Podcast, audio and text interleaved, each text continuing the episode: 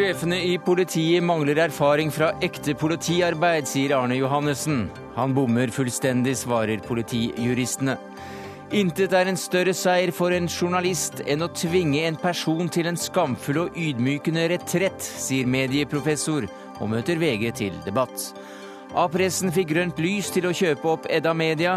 Konsernsjefen lover større ressurser til god journalistikk. Han snakker som en ekte monopolist, svarer Dagbladets sjefredaktør. Og FN-observatørene trekker seg trolig ut av Syria. Hva betyr det, spør vi, og Jan Egeland og Jonas Gahr Støre svarer.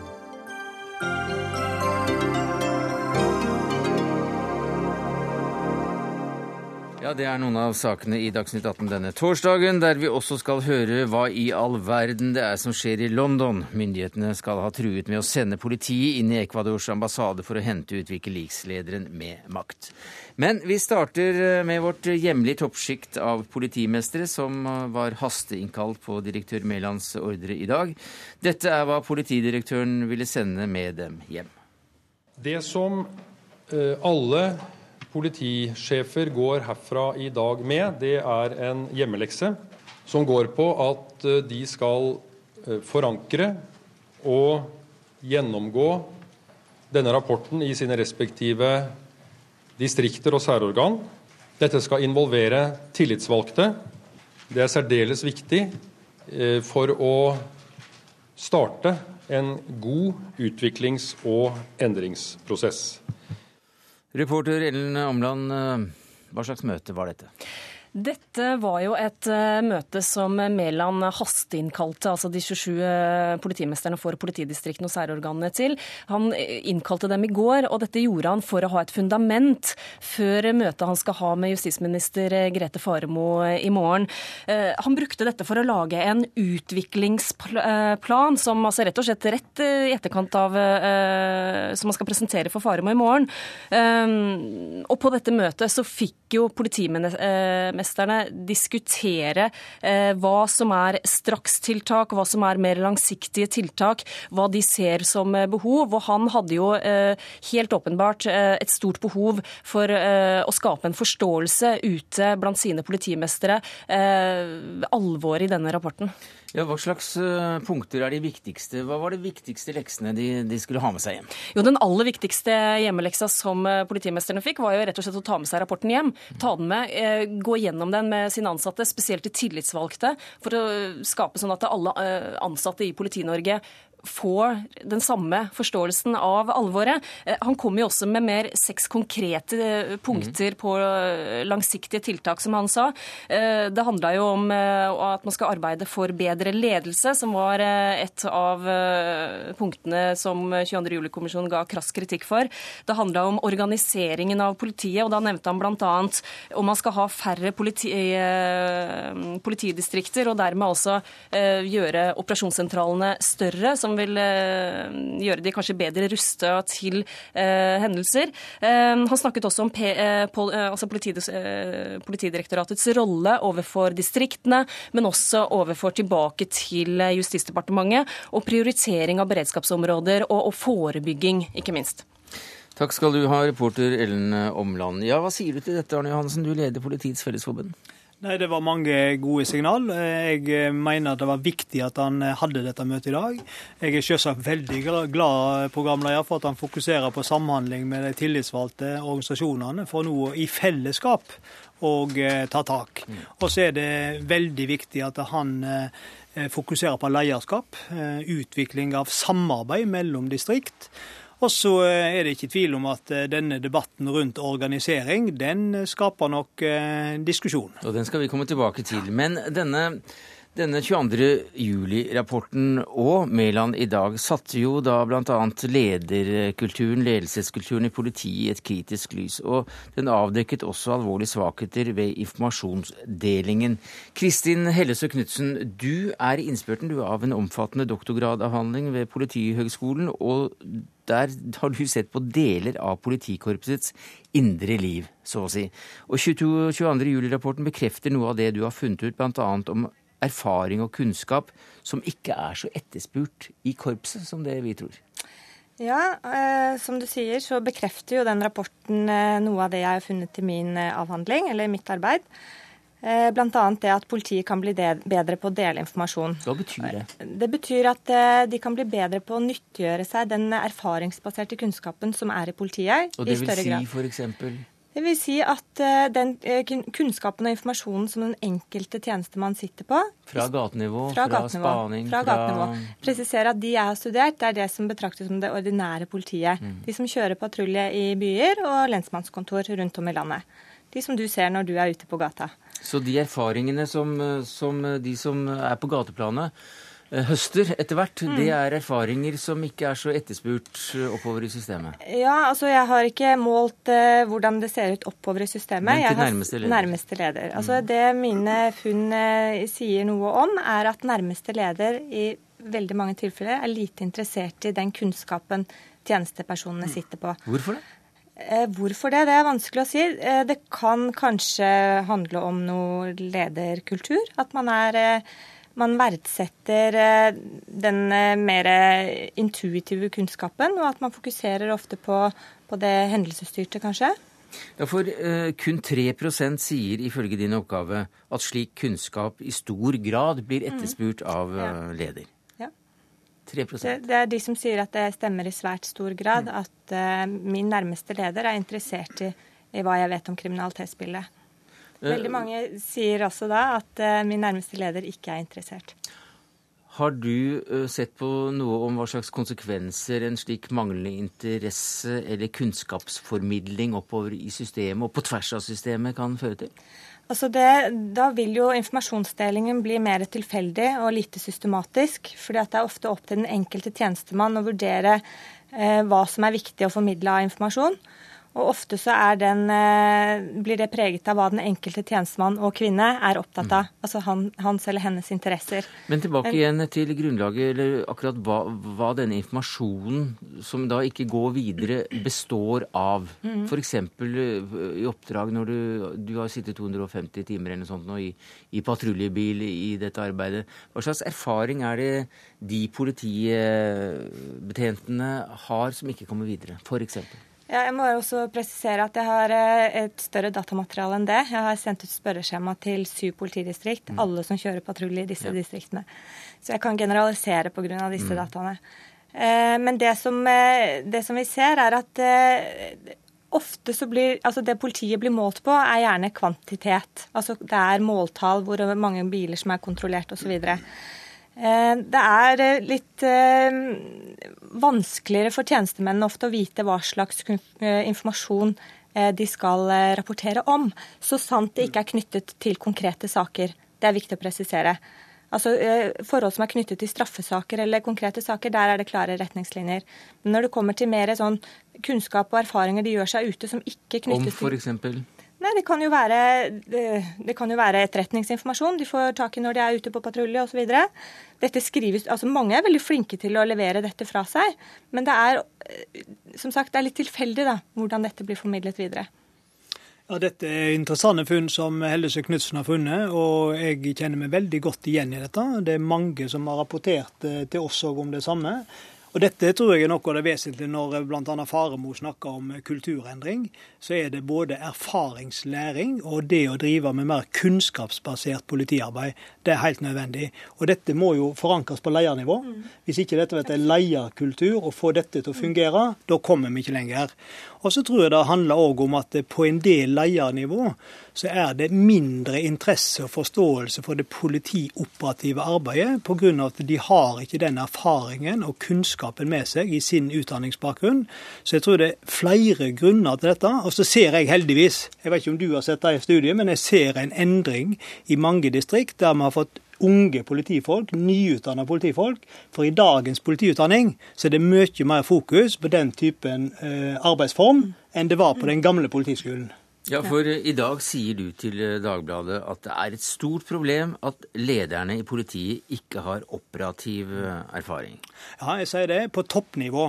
Dette ser vi både i Politidirektoratet og i politidistriktene. Hvis vi går tilbake før politireform, så var det mye mer politifaglig og politioperativ kunnskap. Det vil si også at du hadde vært skikkelig politimann eller -kvinne før du da ble mellomleder og, og, toppleder? Det er et samme system som Forsvaret har, eller f.eks. engelsk politi, som rekrutterer fra grunnivå oppover. Mm. Og jeg får veldig mange tilbakemeldinger om at det, det som dreier seg om beredskap, politifaglig, det har ikke så stor status og interesse oppover i systemet. Og Det blir liksom mindre og mindre etter høyere opp du kommer. På det øverste ledernivået så har det vært lite fokus på det. Dette er òg generalisering. Jeg må si det er stor forskjell mellom både politiledere Men la oss eh, generalisere her ja. nå, for eh, det har jo også en verdi, særlig når uh, du peker på at det er jo et sjikt. Mm Eh, her der folk kommer inn med en annen bakgrunn og, og, og kommer i ledende eh, posisjoner. Mm. Og det er da folk med en, ofte en juridisk bakgrunn. Eller i hvert fall en annen akademisk bakgrunn. Noen er kanskje en psykiater, f.eks. Ja, f.eks. Ja. Og det er bra. altså Vi trenger alle disse, og det er viktig ja. å ha med. Men det er noe med hvem sitter da med det øverste operative ansvar. Og det er litt spesielt i norsk politi at de som også sitter med det operative ansvaret, de har ingen operativ bakgrunn. Det vil jo aldri ha skjedd i Forsvaret. Og du har det heller ikke i helsevesenet. De som har operativt ansvar der, de har en faglig bakgrunn. Og Dette er en interessant debatt, og den må vi mm. tørre å ta. Ja, Den tar vi nå med Sverre Bromander f.eks., som leder for Politijuristene, som da altså ikke har bakgrunn fra politiarbeid på gateplan. Hva sier du til denne kritikken? Nei, altså, Det spørs jo i hvilken retning han peker. Ja, Du hørte jo hvilken retning han peker, nemlig at eh, han etterlyser eh, operativ erfaring blant ledende eh, embetsmenn i politiet. Ja, men altså, Det er et godt poeng å drøfte kompetansesammensetningen i politiet, eller kunnskapsnivået. Ja, Det, det er det vi gjør nå, men hva mener du om uh, Johansens utspill her? Hva jeg mener med det? Jeg mener at det er, har både noe godt i seg, og så er jeg uenig nå. Eh, jeg mener at det er altfor snever tilnærming til politiet. Beredskap er en del av politiet, og en veldig viktig del, men det er noe mye mer. Eh, politioperativ bakgrunn er veldig bra for å lede selve beredskapen, men mange av de andre disiplinene i politiet eh, har man kanskje større verdi av en annen formalkompetanse, som juridikum. Ja, men eh, det er vi ikke uenige om. og Jeg har ikke sagt noe negativt om annen formalkompetanse. og Vi trenger all kompetanse i norsk politi, og enda mer. Men det som er paradokset, og som jeg nå har fått avdekka, det er at når du ikke har bakgrunn fra det politioperative, så får det mindre fokus. Og jeg har en rekke eksempel på ledere som sier at det stopper på et nivå med interessen for eh, operativ disiplin. Men det er jo ingen tvil om at dette er i ferd med å endre seg etter 22.07, for nå har de ikke noe valg. Altså Nå må de ha interesse, og de må vise interesse. Men som jeg sa, Forsvaret det hadde vært helt utenkelig å ha en toppleder for beredskap og utrykningsenheter uten eh, mm. kompetanse. Men det har man også i politiet, Bromander? Ja, men altså, Det er jo nettopp det her jeg er både enig og uenig i. Altså, Forsvaret er mye mer snever beredskapsetat. Mye mer ren operativ etat. Og Det er ikke noe da uten grunn at man har ledere som rekrutteres direkte derfra. Nå er det jo heller ikke sånn i Forsvaret at man bare jobber seg oppover fra i felten. Altså Forsvaret har et veldig langt utdanningssystem for topplederne sine. Og Det burde vi òg hatt i Norge. og Det er den engelske modellen for eksempel, som jeg regner med du å kjenne til, der en rekrutterer leiertalent med faglig bakgrunn, gir de skolering, og så blir de dyktige toppleiere. Det er en god modell. Men vi ser jo da at avisene i dag skriver om, eh, om dette sjiktet. også Mæland, Gjengedal, Hammer. Ingen av dem har, har, bakgrunn som eh, politi på grasrotnivå. Er det en fordel eller en ulempe, Bromander? Ja, altså det man skal ta med seg da, Dette er jo i lys av 22.07. Eh, toppledelsen da var jurister. Alle operasjoner den dagen og alle underordnede ledere hadde politifaglig bakgrunn og politiutdanning. Altså Det er et bredere bilde her enn å bare se på toppledelsen. Det var svært mye politifaglig kompetanse som var i, i, si, i aksjon den dagen.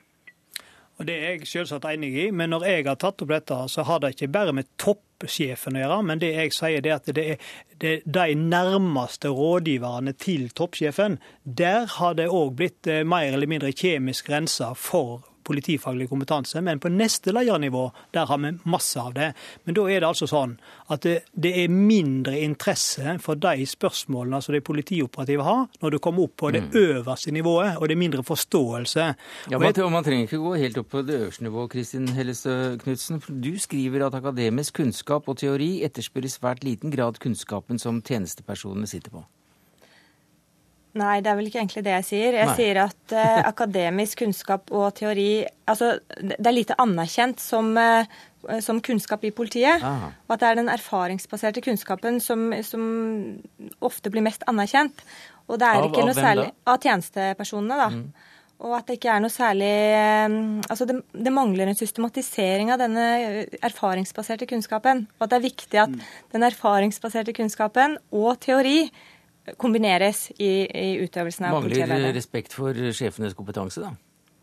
Da forutsetter du at de har teoretisk kompetanse, kanskje? eller? Det er mulig. Ja, at sjefene ja. har teoretisk kompetanse. Nei, altså jeg tenker at Det er mye å hente på at sjefene i større grad er interessert i den erfaringen ja. tjenestemennene har.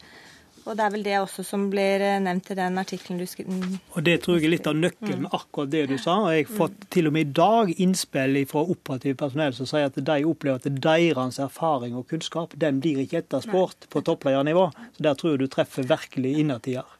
Men uh, da går vi ut fra at dette også blir et uh, tema når uh, Mæland sender politimesterne hjem med en hjemmelekse. Takk skal du ha i denne omgang, Sverre Bromander, leder for Politijuristene. Arne Johansen, leder for Politiets Fellesforbund, og Kristin Hellesø Knutsen, doktorgradsstipendiat ved Politihøgskolen.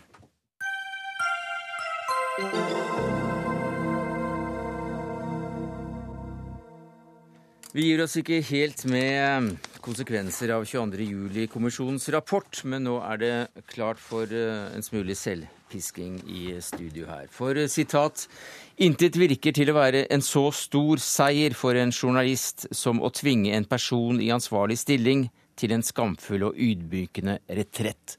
De ordene er dine, Helge Rønning. Du er professor ved Institutt for medier og kommunikasjon ved Universitetet i Oslo. Og hva får deg til å komme med denne gravsame salve?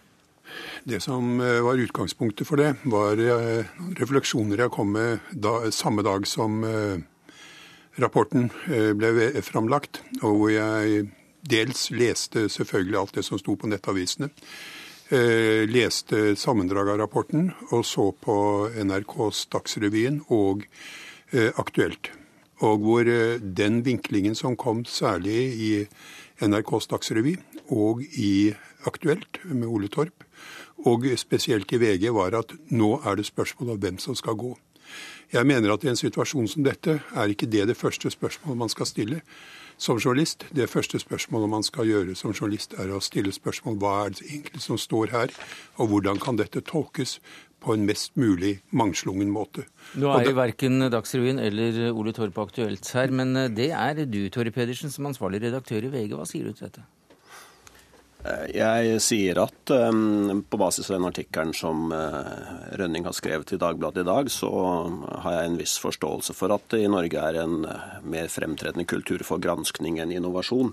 Men jeg syns jo kanskje at uh, han velger et litt dårlig eksempel. fordi at hvis det er noe som er en svært alvorlig sak, så er det jo granskningen etter 22.07.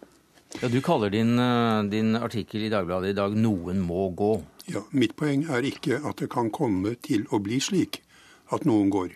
Men når rapporten blir lagt fram, så er ikke det nødvendigvis det første man skal trekke fram. Det første man burde trekke fram, hva er det egentlig som står her, og hvor, hvilke implikasjoner har det utover det at enkeltpersoner skal stilles til ansvar. Det er noe veldig alvorlig, det er en veldig god rapport, som kommer med veldig mange perspektiver og de perspektivene blir borte i den fokuseringen på at noen må gå. Den diskusjonen bør komme etter at sidene ved rapporten er blitt drøftet og lagt fram i offentlighet. Ja, nå tror jeg jeg så også NRKs sendinger, og de etter mitt skjønn gikk grundig gjennom rapportens konklusjoner. Eh, både de seks inndelingene og de 31 punktene til forbedringstiltak. Jeg tror VG hadde 12 eller 16 sider hvor vi gikk gjennom eh, rapporten i detalj. Og så hadde vi én setning til slutt i en lederartikkel som eh, nå skaper denne debatten. Så Eh, det er kanskje også en perspektivforskyvning i forhold til hva mediene faktisk brakte videre den dagen. fordi eh, det er ingen tvil om at det var en eh, vegg-til-vegg-dekning i de fleste norske medier om rapportens innhold. Så ble det naturlig nok da reist spørsmål rundt det som også Rønning beskriver i sin artikkel. Hva betyr ansvarsbegrepet? Ja, og Det er jo selvfølgelig et veldig viktig poeng i denne sammenhengen. fordi at ansvar er ikke noe som man nødvendigvis kommer med med en gang med en veldig fokusert, veldig spissformulert uh, formulering. Og det er noe som etter min mening henger sammen med en bredere offentlig debatt mm. rundt dette. Dette syns jeg Mari Simonsen i Dagbladet pekte på utmerket i går. At spørsmålet om ansvar og debatt er en veldig sentral mm. del av det pressen skal stå for. Og jeg mener dette ikke nødvendigvis bare har med denne saken å gjøre, men det har med den formen for kampanjejournalistikk som er i ferd med å bre seg i norsk presse, som er personorientert og opptatt av at noen må stilles til ansvar og gå. Det later til at norske journalister syns at det beste i verden er å kunne jage en person i ansvarlig stilling ut på gata. Eh, ja, jeg tviler vel eh, på det. Eh, jeg tror for det første ikke at mediene kan tvinge noen ansvarlige politikere til å gå av. Det er først når symbiosen mellom allmennhet, politikk og det mediene avdekker, at det til sammen skaper et slikt grunnlag at det finner sted. Så Men hva sier du da? At intet er en så stor seier som, for en journalist som å tvinge en person i ansvarlig stilling til en skamfull og ydmykende retrett? Ja, men jeg tror ikke det er det journalistikk dreier seg om. Tvinge til å skamfull full retrett. Poeng i journalistikk er å frembringe opplysninger som setter eh, på dagsorden at eh, det er grunnlag for at folk må forlate sin stilling. Det er ikke det avisene og NRK her eventuelt eh, har gjort, da? Nemlig også å vise delvis ved fakta at det er gjort såpass grove feil at ansvarlige bør tenke seg om? Etter min mening bør ansvarlige tenke som. Det er ikke ja, det som og er gå, ta konsekvensen av det gå. Altså, Poenget er at hvorvidt folk skal gå, hvorvidt skal folk skal avsettes eller ikke, det er en prosess som i en så alvorlig sak som dette en langvarig prosess som krever mange perspektiveringer. Og det er også slik at det kanskje er andre, og nå er det begynt å komme fram, eksempel, og i pressen, meget eh, meget losverdig i forbindelse med å stille spørsmål om hva er egentlig Killengrens rolle i denne saken.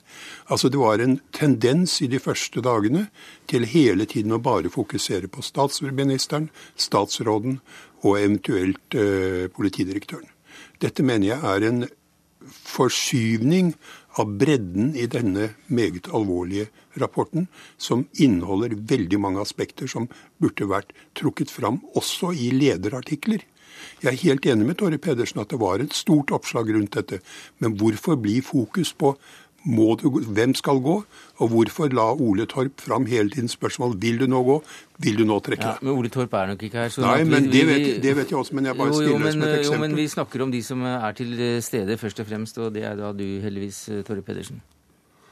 Ja, altså, nå er jo, Vi har ikke sagt at noen må gå. Vi har sagt at Jens Stoltenberg bør trekke den konklusjonen. For det, som vi har påpekt, han bestemmer det selv. Eh, vi mener at en forståelse av ansvar ikke bare går ut på å reparere, men også å stå til ansvar for. Det er det som på engelsk heter responsibility og accountability. Og den saken vi står overfor her, er det faktisk det mest alvorlige vi har stått overfor i Norge etter krigen. Det er en mening som i hvert fall ikke er populistisk for 70% er jo uenig med oss, men den er prinsipielt begrunnet i forhold til ansvarsbegrepet. Og Den debatten har vi klart å skape, og den pågår. og Derfor sitter jeg her nå. Mm. Men eh, også Dagbladets avsløringer eh, gjorde at Lysbakken måtte gå. Støre var presset av samme avis. Valla gikk etter Ysens innlegg i VG. Harald Stanghelle bidro til at POT-sjef Urdal måtte gå. VG-journalist Alf Bjarne Johansen hørte at PST-sjef Janne Christiansen sa noen ikke burde si, og tok konsekvensen av det, osv. osv. Burde ikke du som medieprofessor interessere deg litt mer for eh, pressens rolle som vaktbikkje, istedenfor å hakke på eh, slike uttrykk der eh, enkeltpersoner kanskje utpekes som har gjort noe gærent og bør ta konsekvensen av det? Jo, men vaktbikkje betyr mye mer enn å gå til, på personer. Det går også å men Betyr det ikke det også? Tørre å går, gå rett på personer? Det betyr det også, men det betyr også mer enn det. Og det er en tendens i norsk presse nå til å bli veldig personfiksert istedenfor å være saksfiksert. Og det oppfatter jeg som et problem. Og jeg tror at den personfikserte kampanjejournalistikken skader pressens rolle i demokratiet ved at den blir ensidig istedenfor mangesidig. Mm. Og det er noe av det viktigste pressen bør være nettopp i slike alvorlige situasjoner som dette. Da bør den være mangesidig. Jeg skal ikke bare avvise Jeg tror det er viktig å reise en debatt om det. Men jeg kan jo da eh, med glede fortelle at VG har skrevet utallige artikler om det manglende nødsambandet i politiet. Vi har påvist en gjentatte ganger at det er færrest politifolk på jobb når det skjer flest mulig forbrytelser. Vi har skrevet om politihelikoptrenes beredskap. Alt det som rapporten tar opp i seg, har det vært skrevet side opp og side ned om i den avisen jeg redigerer. Og det kommer vi til å fortsette med. Og Helge Rønning, som professor i eh, medievitenskap, så etterlyste du en debatt om dette. Det fikk vi, ja, men også takket være Kåri Pedersen, ansvarlig redaktør i VG. Takk skal dere ha.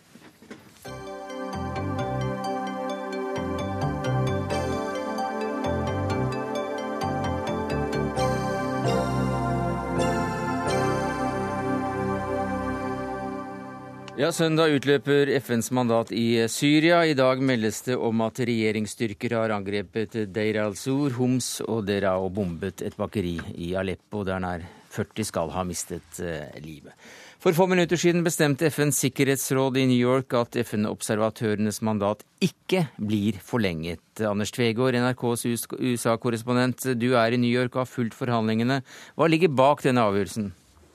Ja, det, det, betyr er at det er game over for uh, Sikkerhetsrådet. Uh, frontene er uh, steile. De har ikke kommet noe videre det, siste året, for å si det på den måten. Observatørene de kan pakke sammen sakene nå. De skal være ute av Syria innen mandag. og Sikkerhetsrådet lar derfor partene bare fortsette å, å kjempe uten en FN-tilstedeværelse. Så alle observatørene skal nå ut? Alle skal ut. Det er rundt 100 eh, observatører igjen av de 300 som var der. Eh, FN har eh, fire kontorer i Syria. De skal stenges. Det er rundt 80 sivile. De skal ut. Men samtidig så har de tenkt til å opprette et politisk kontor, slik at partene, når de føler behov for det, kan ringe til en utsending som skal overta Kofi Annans jobb. Det ser ut til å bli Lakhdar Brahimi. Han gjør seg fortsatt kostbar. Den kunngjøringen kan komme mandag, når observatørene reiser ut. Takk skal du ha, Anders Tvegård fra New York. Jonas Gahr Støre, utenriksminister, hva sier du til dette? Dette er ikke noen overraskelse. Det er jo en dyp uh, tragedie. Det er en forlengelse av den tragedien som er. Uh, ikke det at vi hadde overvettes tro på at disse observatørene skulle liksom endre situasjonen, men de var iallfall en ressurs. Men som eh, general Mood sa da han kom hjem, altså hvis ingen av partene vil bruke den kapasiteten, og de har tro på at i enden av dette finnes en militær seier framfor en politisk seier, vel, så kan ikke 300 ubevæpnede observatører uh, gjøre forskjellen. Og her er det jo kjente linjer, som Tvegård sier, i Sikkerhetsrådet, som gjør at det ikke blir enighet. Uh, det blir et FN-nærvær av en eller annen karakter. Jeg tror ikke jeg vil konkludere med at Brahimi tar den jobben før han har tatt den. For han er en erfaren FN-diplomat som vet hva det vil si å ta et oppdrag med et splittet sikkerhetsråd, så jeg tenker han vil tenke seg grundig om før han gjør det. Og overta altså jobben etter Annan. Ja. Jan Egeland, europadirektør for Human Rights Watch. Eh, hvordan ser du situasjonen i Syria nå, i lys av at FN-observatørene trekker seg ut? Det er dypt tragisk. Jeg tror det er en enorm feil av eh, Sikkerhetsrådet eh, å trekke ut denne ene tilstedeværelsen som det internasjonale samfunnet har av noe format i Syria. Det betyr færre øyne, øre. Det blir færre vitner til det som skjer. Det vil bli mye vanskeligere for FN å komme inn igjen. Det er en av lærdommene fra Irak, som var den forrige gangen hvor Sikkerhetsrådet var like så handlingslammet. Og vi, vi husker hvor ille det var i, i, Irak. Så dette er dypt tragisk. Aldri har eh, internasjonal politikk eh, vært verre siden altså Irak i 2000. Men det var jo ikke mye disse observatørene fikk gjort, da? Nei, altså de, men de var der de kunne tre inn. Altså, eh, de, jeg tror faktisk Robert Mood og hans team gjorde en del i en periode. Eh, Kofi Annan hadde kontakt med partene. Det var et håp på det tidspunktet. Nå er det jo bare på sett og vis å kaste en håndkle og si eh, vi vil se på hvilken militær løsning det blir. Og så er det de to sidene i Sikkerhetsrådet og eh, all verdens parter utenfor, som nå driver og sender en våpen på begge sider.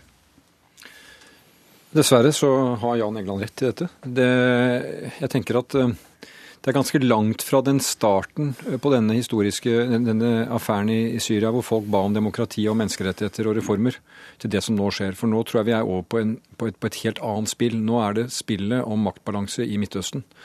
Vi er inne på, på rånerven av veldig gamle konflikter som kan gå 100 år tilbake i tid. Eh, vi har etniske skillelinjer, vi har snakket om det i dette studio før, som ikke stopper ved Syrias grenser. Det skjer en opptrapping siste par døgnene i Libanon nå, som er et speil av Syria, med bortføringer og hevnaksjoner som da for noe som skjer på innsiden. Så jeg tror at denne logikken som sier at det finnes en militær utvei her, det er faktisk noe som partene synes å ikke være helt uenig i. At det på et eller annet eh, sted så kommer det et militært mm. gjennombrudd. Og da er det vel ikke noe, heller ikke noe FN kan gjøre?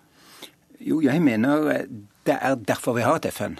Nettopp hvis partene har lyst til å slåss? Hvis partene har lyst til å slåss, da må det internasjonale samfunnet for det første har man en forpliktelse nå til å beskytte de sivile, men også en, forpliktelse til å dempe konflikten. Og, og, flere ting kan gjøres. For det første så kan Russland og Iran og de andre som fortsatt sender våpen til dette morderiske regimet, stanse det. For det andre så kan Gulflandene, og for den del en del av de vestlige landene, være mye, mye mer forsiktige med den måten de, de bygger opp den bevæpnede opposisjonen til et stadig, en stadig større krig. Altså på mange måter så, så, leker man her med ilden. Det er mm. ille i dag. Irak, i, i, Syria. Det kan bli enda mye verre. Men uh, i dag så leser vi at uh, Russland beklager at uh, FN ikke blir stående med en observatørstyrke. Og det virker jo litt pussig all den tid som Russland ikke vil at FN skal gjøre så mye mer. Altså Russland har jo hatt den holdningen at uh, observatørstyrkene kan være der. Det er Assad-regimet som må lede en overgang, en reformprosess. De holder seg på den med de budskapene. Uh, det har vel vært slik fra de andre, den andre delen av Sikkerhetsrådet at det å holde en slik styrke der som blir uh, hva skal vi si, misbrukt og blir tatt til inntekt for regimet, det er noe ikke de vil støtte opp om. Men det Jan Egeland har rett i, er at når disse er ute, så er det vanskelig for dem å holde når de er inne, helt balanse om akkurat hvor de drar og hvor mye de er på hvert sted, men de er iallfall ører og øyne, og de blir det færre av. Eh, så eh, jeg tenker når vi sier at vi anklager Sikkerhetsrådet Sikkerhetsrådet er jo et, eh, et skall. Det er et kapittel i FNs charter. Det er landene i Sikkerhetsrådet som er ansvarlig. Og vi er tilbake igjen til det at jeg tror en hovedakse her ligger i ansvaret mellom Moskva og Washington. Det er USA og, og, og Russland som her burde funnet en vei til å legge en del til side og gå inn og ha et tydelig budskap fra, fra det internasjonale samfunn. Så er ikke tilfellet, og da får dette utfoldelse. Altså, vi har folk på bakken nå i Aleppo, i Assas, som er byen nord for Aleppo, som eh, ble da smadret sønder sammen. Først og fremst nå sivile. Det er ikke der, der kom til det nivået at det er ikke så mange soldater som dør, det er først og fremst sivile som dør på begge, på begge sider. Eh, det, det, det vi ser, er at den sekteriske volden øker. Og i det øyeblikket du får sunni mot alawitt, mot shia, mot kristen over hele landet, så kan det bli uendelig mye verre. Og jeg er enig med utenriksministeren. Det kan også spre seg inn i, mm. i Libanon. Derfor må det internasjonale samfunnet eh, samle seg. Det må bli en våpenboikott. Den, denne saken må inn for den internasjonale straffedomstolen. Det må sanksjoner på ledelsen både i Syrias side og de på opposisjonens side, FSA, som har blod på hendene. Det er vel et stykke fram eh, dit, skal vi uh, tro de signalene som ikke minst Russland kommer med nå om dagen. Men hva skal til for at den opposisjonen som, som ikke støtter det Egeland foreslår, nå skal snu? Altså jeg, jeg, tror at det vi ser nå, er jo da at den militære logikken fortsetter. Og da skjer det et, gradvis sammenbrudd av statsstrukturer inne i Syria. Altså lov og orden. Uh, uh, Egelands etterfølger Valerie Amos på den humanitære siden er inne i Damaskus i dag. Snakker om to til tre millioner mennesker som trenger hjelp. Det tallet kommer til å gå opp. Uh, og jeg tror det vi kommer til å se, og som vi ser tendenser til nå, er at denne opposisjonen gradvis vil samle seg. Den har vært splittet. Eh, de har hatt ulike strategier, men jeg tror at det kommer en veldig kraftig innsats for det. Det ønsket jo Kofi Annan også. Han ønsket jo på en måte at Vesten skulle bruke sine kontakter her for å få dem samlet rundt et budskap, og så kunne man forholde seg til regimet. Det skjer altså ikke gjennom FN-megling, men jeg tror allikevel at det kommer til å skje gradvis taktisk eh, på bakken. Etter hvert som eh, grusomhetene bare øker og det blir ja, umulig og, å altså, det er, det, er, det er utålelig, men ja. det er altså en realitet man, i den verden. Krigen må brenne litt ut før eh, partene kan Den islamske konferanse, som jo er nabolandene rundt, har i dag gått ut og sagt at de sterkt fraråder en militær intervensjon. Det tror jeg ikke bare er liksom en taktisk uttalelse, det er fordi at det er verst. Altså Skjer det, så bryter på en måte noe enda mer forferdelig løs. Vi snakker om en av verdens største militære kapasiteter, Syria. Mm. Men, men, for hver uke og måned som går, så går det jo i retning at dette regimet faller sammen. Man snakker om at det kan skje på noen uker, eller det kan ta et år. Og jeg tror at dette, dette er iallfall ikke en statisk situasjon. Nå sitter vi og sier mye av det samme vi sa for én og to uker siden, men det er en, 4, 5, voldsom, jo, men det er en voldsom dynamikk internt i dette landet nå, med sammenbrudd i den strukturen som var rundt Assad-regimet, slik at vi må være åpen for både overraskelser og kraftig utviklingstrekk i tiden Men så, du, du, sa at eh, det vi opplever nå, er også da at vi ser eh, gamle strukturer gjøre seg gjeldende. 100 år gamle konflikter dukker opp, eller i hvert fall eh, kommer i spill igjen. Eh, hvilke er det du sikter til da i hovedtrekk? Altså jeg mener at En del av den norske debatten og vår egen refleksjon rundt dette har vært litt for lite forankret i historiske linjer i denne regionen. Syria er jo en konstruksjon fra etter første verdenskrig og tiden fremover. Mandatområdet, europeisk innflytelse, landene rundt. Eh, det kurdiske eh, folk var vel kanskje den folkegruppen som ikke fikk land etter at det ottomanske regimet falt sammen. Det er kurdiske befolkninger i Tyrkia, Irak, i Syria. Mye av dette kommer opp igjen. Og alle som ser på et kart, ser jo at grensene er rette. De er trukket. De er ikke nødvendigvis naturlige, slik som vi kjenner fra vår del av Europa. Så vi kan aldri løpe fra historien. Den kommer opp igjen, og den melder seg. Og Syrias historie er jo veldig interessant. Henry Henrik Kissinger sa i sin tid at eh, i Midtøsten blir det ikke krig uten Egypt, og det blir ikke fred uten Syria. Hva mente han med det? Jo, eh, Egypt er gjennomgående orientert i retning av å unngå krig, for det påvirker deres interesser, iallfall etter at krigene med Israel var over. Men Syria har sett seg tjent med å holde en del konflikter i gang. De valgte Irans side mot Irak. Eh, de valgte eh, har ligget i konflikt med Irak. De støttet USA i kampen for Kuwait mot Irak. Eh, og de har spilt i Libanon og vært redd for å bli satt i et hjørne. Jeg har møtt denne presidenten Assad flere ganger. Han er en maktpolitisk analytiker som det er interessant å høre på, fordi han analyserer det ut fra ren makt og posisjonering. Disse tingene er nå i spill. Og da blir eh, spørsmålet om reformer og demokrati og menneskerettigheter dessverre skjøvet i bakgrunnen, eh, fordi det på mange måter er makta som rår, og det er en kynisme som jeg tror vi i norsk politikk nesten ikke kan ane forestille, seg, forestille oss når det gjelder hvordan nå disse partene i Midtøsten posisjonerer seg for det videre. Og i den andre siden av, eh, av, denne skalaen, altså fra de store historiske linjene og det store maktspillet og strategiene, så befinner den menneskelige lidelsen seg. Eh, det er sivile som, eh, som ofres i enhver krig, og ikke minst i denne, er det, er det sagt. Og du, Egeland, var jo generalsekretær i Røde Kors rett før Jonas Gahr Støre ble generalsekretær i Røde Kors. Og hva slags brudd på krigens regler er det vi ser på sitt verste nå? Som jo da Røde Kors er med på å definere. Ja, Det internasjonale Røde Kors-komiteen er på mange måter eh, vert eh, for de internasjonale konferansene som har eh, utarbeidet Genévekonvensjonene. Hovedpoenget med Genévekonvensjonene var å beskytte ikke-stridende. Sivile, syke, sårede. Alle disse tre gruppene blir nå eh, direkte skyteskive i denne konflikten. Vi har dokumentert fra Human Rights Watches side hospitaler som ble gjentatte ganger skyteskive. Eh, både pasienter og ansatte som er beskyttede, er såret eller drept. Sivile bygninger er blitt smadret langt fra eh, militære mål, gang på gang. Altså Det er da ren terror, om en vil. Det er krigsforbrytelser, og det er forbrytelser mot menneskeheten. Det har eh, FNs egen undersøkelseskommisjon nå fastslått gjentatte ganger, senest nå i, i går.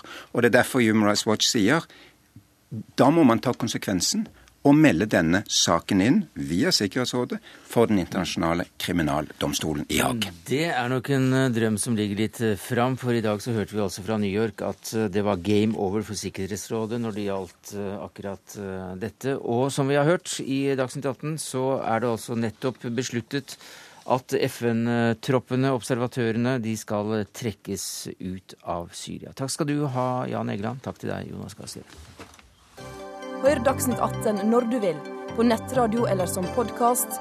nrk.no – dagsnytt 18.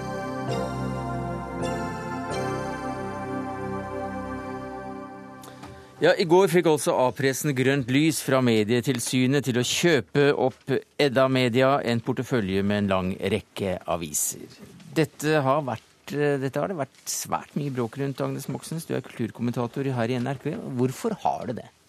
En god gammeldags eh, maktkamp, rett og slett, om hvem som skal få lov til å gi ut aviser hvor. Og det er de store mot kanskje de litt mindre. Det handler om å posisjonere seg i forhold til liksom, den store medieutviklingen.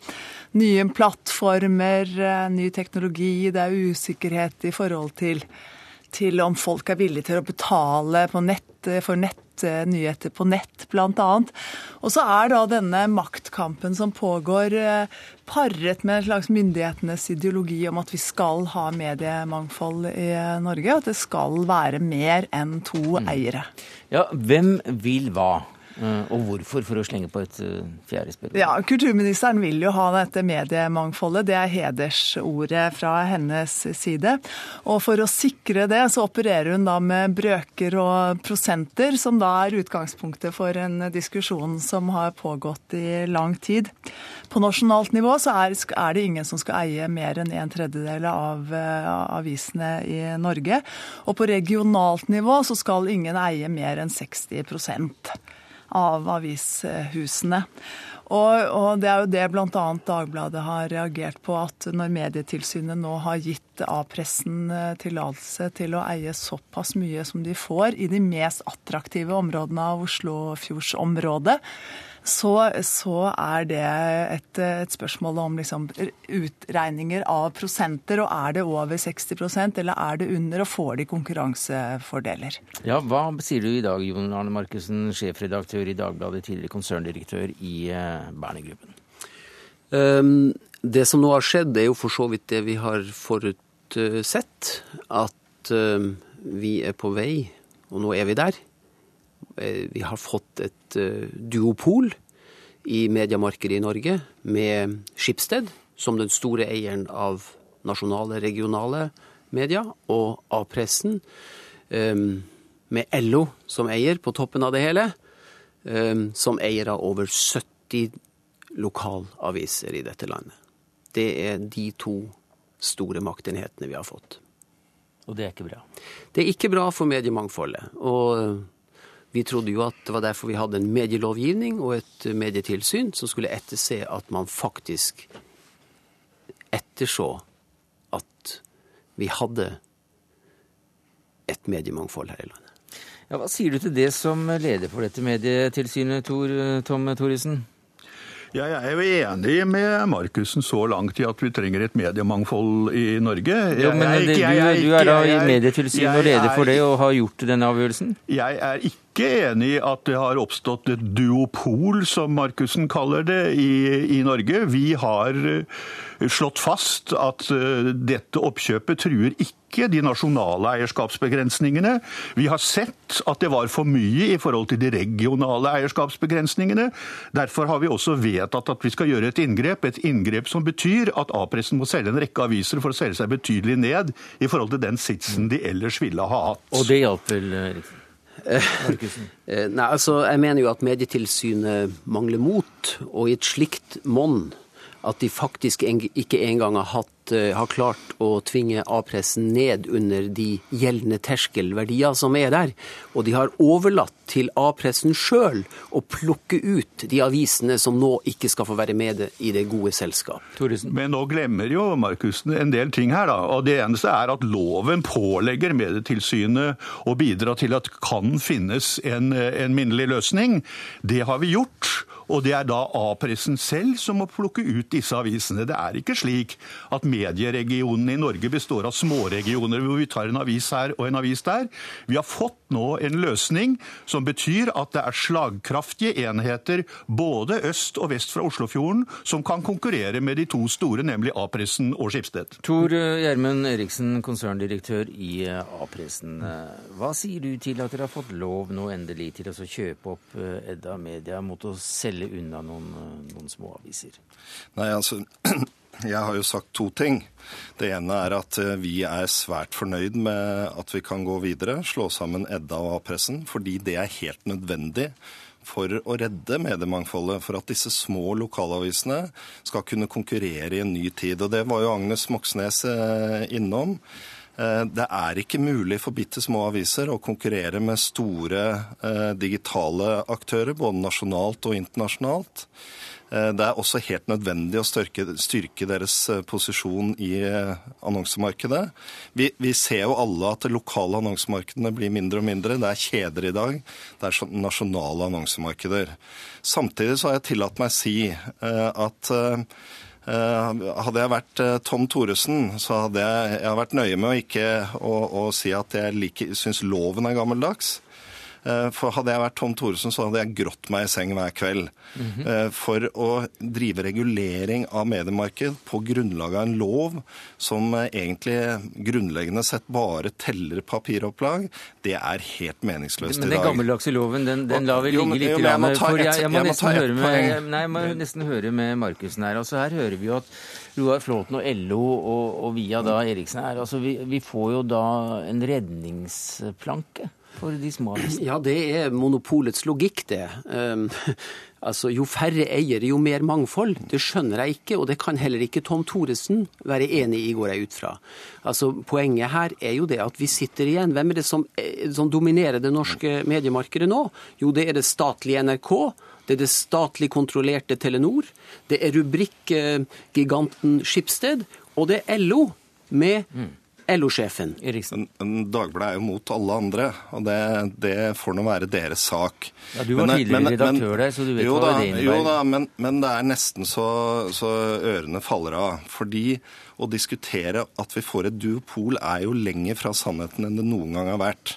Jeg kan, eh, kan, eh, nevne vi har TV 2, vi har TV3, vi har TV Norge, vi har NRK, vi har Dagbladet, vi har VG, vi har mange A-presseaviser, vi har Polaris, vi har HTG. Altså, vi har aldri hatt flere medieaktører i Norge. For i tillegg til de norskbaserte, så har vi fått en rekke internasjonale medieaktører. Vi, eh, altså det, er ikke det riktig, da? Ja, vi har mange medieaktører, men problemet med det, de du ramser opp, Tor Gjermund Eriksen, er jo at de fleste av de ikke driver med nyhetsjournalistikk eller med meningsproduserende journalistikk. TV3 f.eks., TV Norge som du nevner. TV 2? Ja, TV 2, ja. VG, Aftenposten, HTG, ja. Polaris, Adresseavisa. Ja, de er jo, eh, det er jo, flere av de du nevner nå, er jo nettopp Skipsted som er inne på om det er mulig å komme inn med en stemme fra Fredrikstad til disse to aktørene, som jo begge har visse interesser å ivareta i denne saken, så må jeg jo si at det ville jo være veldig rart om man skulle kreve av et offentlig tilsyn at en ikke skulle forholde seg til gjeldende norsk lov. Det er jo medieeierskapsloven som gjelder i dag, som har vært utgangspunktet for det inngrepet som nå har vært tatt, ja. og som A-pressen frivillig har gått inn på som en minnelig løsning. Ja, om den loven er god eller ikke, den, den debatten er gnistrende artig å ta men det får jo være en debatt som politikerne ja, må føre. Ja, ikke bare politikerne er redd, men, men, det kan andre også ta. Men, eh, men Markussen, når du da sier at det blir mer ensretting, og du hører da Eriksen ramse opp det mangfoldet, så virker jo ikke det som altså, dere lever i samme verden? Dette er helt besynderlig å høre fra et mediekonsern som sitter nå og eier over 73 aviser, 73 aviser i dette landet, og som hver dag fra ett kontor i Oslo sender ut et tilbud til denne mengden mengden med aviser et tilbud om samme leder. Er dette mangfold? Er det sant? Er det samme leder i disse 73 avisene? Altså, vi har et, eh, en redaksjon i Oslo som dekker nasjonale og internasjonale uh, nyheter. Jo, men forhold deg til det Markussen sa nå. Jo, men Poenget er at det er, bare, det er feil. For det er helt, helt opp til enhver redaktør å skrive lederen. Eh, det er ingen... Ja, og, da, og da er det vel greit da, Markussen? Det er opp til hver redaktør? Ja, det er et tilbud. Men når vi undersøker dette, så ser vi jo faktisk at i, i flere av disse avisene så trykkes faktisk samme leder. Mm. Men, men eh, vi, har, vi, har, altså eh, lokalaviser rundt hele landet. Dette er et tilbud til avisene for å dekke eh, hendelser som skjer i det nasjonale og internasjonale eh, nyhetsmarkedet. Og, og, jeg tror at hvis du virkelig går inn og ser på våre aviser, Jon Arne, så har de aldri vært mer forskjellige innholdsmessig. Det er nesten ikke noe fellesstoff.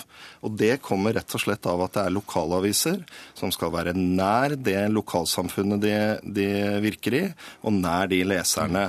Og disse avisene har faktisk utviklet seg mer og mer og mer i lokal retning.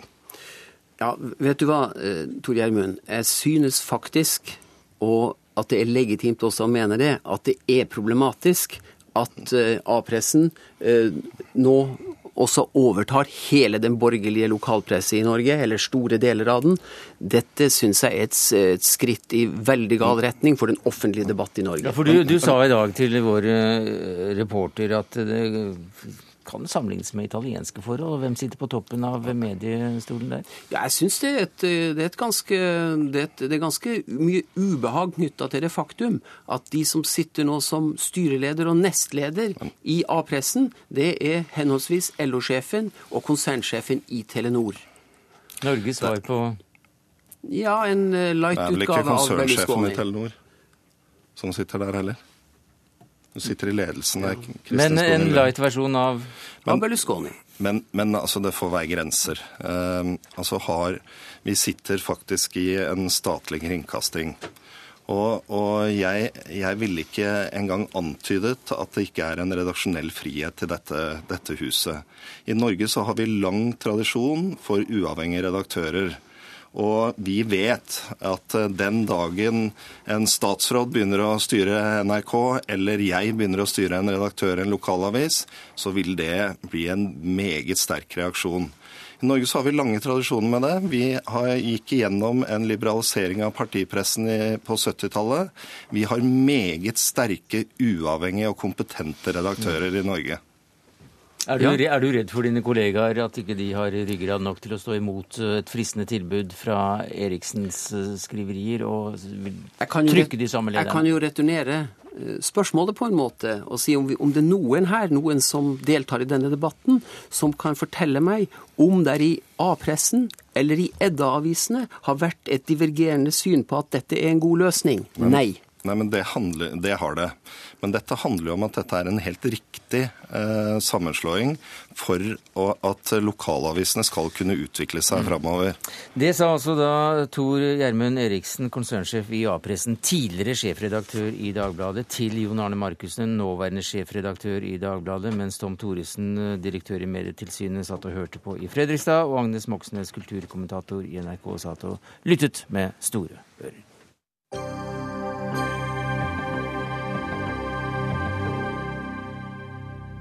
Vi skal til eh, striden rundt Wikileaks-grunnleggeren som fortsetter. Han har som kjent sittet i Ecuadors ambassade i London i nær to måneder nå, i frykt for å bli utlevert til Sverige pga. anklagene om to voldtekter. Hva skjedde i løpet av dagen, Øyvind Bye Skille, du er journalist i NRK og har fulgt denne saken tett? Nei, Det starta jo med nesten opptøyer og demonstrasjoner, sammenstøter med politiet utafor den ekvadorianske ambassaden tidlig i dag, med mange støttespillere som hadde møtt opp og forventa venta spent på en avgjørelse, fordi Ecuador hadde sagt at i dag kommer avgjørelsen. Skal Assange få asyl eller ikke? Og svaret var? Svaret var at det var en lang pressekonferanse i Ecuador eh, der det var mange ikke så diplomatiske utsagn fra den utenriksministeren derfra som sa at ja, vi mener han eh, er politisk forfulgt og han skal få asyl i Ecuador. Men enn så lenge så sitter han jo i ambassaden i London. Så var det en annen uh, sak som kom til å stå i fokus, uh, eller i hvert fall få mest oppmerksomhet etter hvert. For det var, uh, det var Ja, var det den ekvadorianske utenriksministeren selv som, som påsto at Storbritannia hadde kommet med skjulte trusler? Ja, den ekvadorianske utenriksministeren eh, gikk allerede i går kveld ut og, og, rett og slett offentliggjorde en diplomatisk note, det er jo ikke vanlig, eh, der han sa at Storbritannia har trua med å storme ambassaden i London og ta Assange. Eh, som jo da også er blitt bekrefta. Det er en note, men om de faktisk trua med å storme, er jo en vurdering. For det de sa var at vi mener vi har juridisk rett til å gå inn i en ambassade og ta ham. Og da er jo da spørsmålet, Geir Ulstein, du er professor i offentlig rett ved Universitetet i Oslo, og du har god greie på folkerett. Hvordan er det mulig for en stat som Storbritannia å, å gå inn i en ambassade? Utgangspunktet er jo at eh, ambassadene de må følge loven i det landet som de er i. Og i dette tilfellet så har britisk høyesterett sagt at eh, Assange skal utleveres til Storbritannia. Eh, dilemmaet er jo da at ambassader har eh, immunitet, og det er det lang tradisjon for. Eh, så det betyr at politiet ikke kan gå inn i ambassaden. Så dilemmaet er jo da at Assange kan ikke gå ut, og politiet kan ikke gå inn. Så her har vi en stillingskrig. Ja, Hvordan ser du på denne situasjonen nå? Så har følger Storbritannia gjeldende diplomatisk kutyme ved også å true med dette? Det, så langt jeg kan se, så er den immuniteten absolutt. Så, ja. De kan men, ikke skru av og på immunitetsforsvaret, så å si? Nettopp. Eh, britene har vært oppe i et par situasjoner tidligere med at det en gang ble skutt fra den libyske ambassaden. Og så hadde vi Nigeria, som en gang prøvde å transportere ut en nigerianer i posten derfra. Sånn at de har opplevd misbruk fra ambassadenes side. Så de har vedtatt en lovgivning som visstnok gir dem hjemmel til å gripe igjen. Men, men britene kan jo ikke sette folkeretten til side. De kan lage sin egen lovgivning, men det kan innebære at det blir brudd på folkeretten. Har Wikileaks selv kommentert dette? Wikileaks eh, Assange har ikke snakka direkte til pressen, men han har sendt ut ei pressemelding der han takker folket i Ecuador og presidenten og, og hele landet og regjeringa for at de ga han asyl. Eh, og jeg har snakka med talsmannen for Wikileaks som sitter på Island, som sier at de mener at det her er veldig modig av Ecuador å faktisk gi han asyl og ikke la seg true av Storbritannia, blant annet, som nå sier at vi kommer til å gå inn i ambassaden og ta Assange. For Ecuador har et eh, regime som eh, ikke direkte er vennlig stilt overfor USA, som jo da jeg forstår Wikileaks frykter mest. For han frykter ikke bare å bli utlevert til Sverige. Nei, Assange har jo søkt om politisk asyl hos Ecuador, og, og har gjort det fordi han mener at han frykter at han skal bli forfulgt i USA for lekkasjene av amerikanske dokumenter.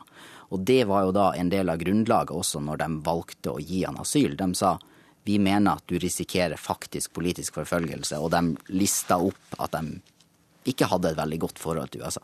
Mens du sa dette, så fikk jeg melding om at eh, USA akkurat nå har benektet eh, at de har lagt press på Storbritannia for å øve press på ekvadorianske myndigheter ved å si at vi kan komme til å gå inn i ambassaden. Men hva slags eh, rykte er det Storbritannia Altså, risikerer Storbritannia sitt, sitt, rykte i en slik sak hvis det faktisk blir vist til og det blir er kjent at de har kommet med en slik trussel?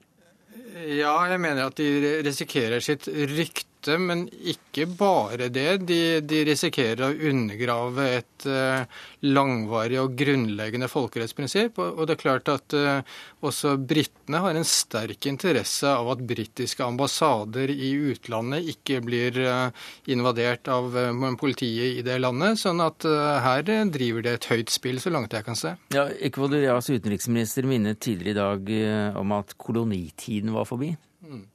Ja, det, det, det, det kan de. Men, men, dette her er jo prinsipper som gjelder uansett om man er i-land eller u-land eller hva som helst. Dette er fellesregler som alle land har interesse av. Men hva da eh, med andre eh, situasjoner der personer går inn i en ambassade og søker politisk asyl? Er det aldri slik at vedkommende da får fritt leide til nærmeste flyplass? Jeg vet ikke om det aldri er slik, men, men eh, man får da det dilemmaet om at eh, personen kan ikke komme ut uten at man får uh, vertsstatens godkjenning for det, eller at man klarer å smugle ut på en eller annen måte. Så, så da må man finne en eller annen over, overenskomst. Man hadde vel for ikke så lenge siden i Kina denne personen som fikk reise til, til USA så det, Man kan finne politiske løsninger på det, men det er to parter som må bli enige. Men Hvorfor er det så viktig dette med immunitet i ambassadeområder? Det er helt grunnleggende for samarbeidet mellom stater. Hvorfor det? At, eh, for å ha åpne kanaler mellom statene. Eh, sånn at ikke eh, de som arbeider der, risikerer å bli utsatt for misbruk, forfølgelser fra, fra det staten som de blir sendt til. De er jo i en utsatt posisjon når de er på utenlandsgrunn.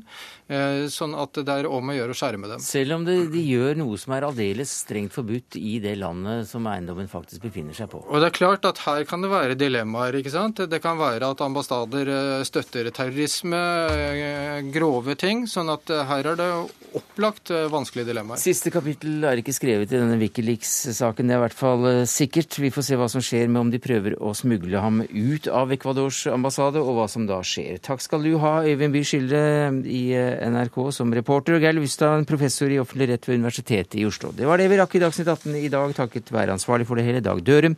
Det tekniske ansvaret hadde Lisbeth Sellreite, jeg heter Sverre day.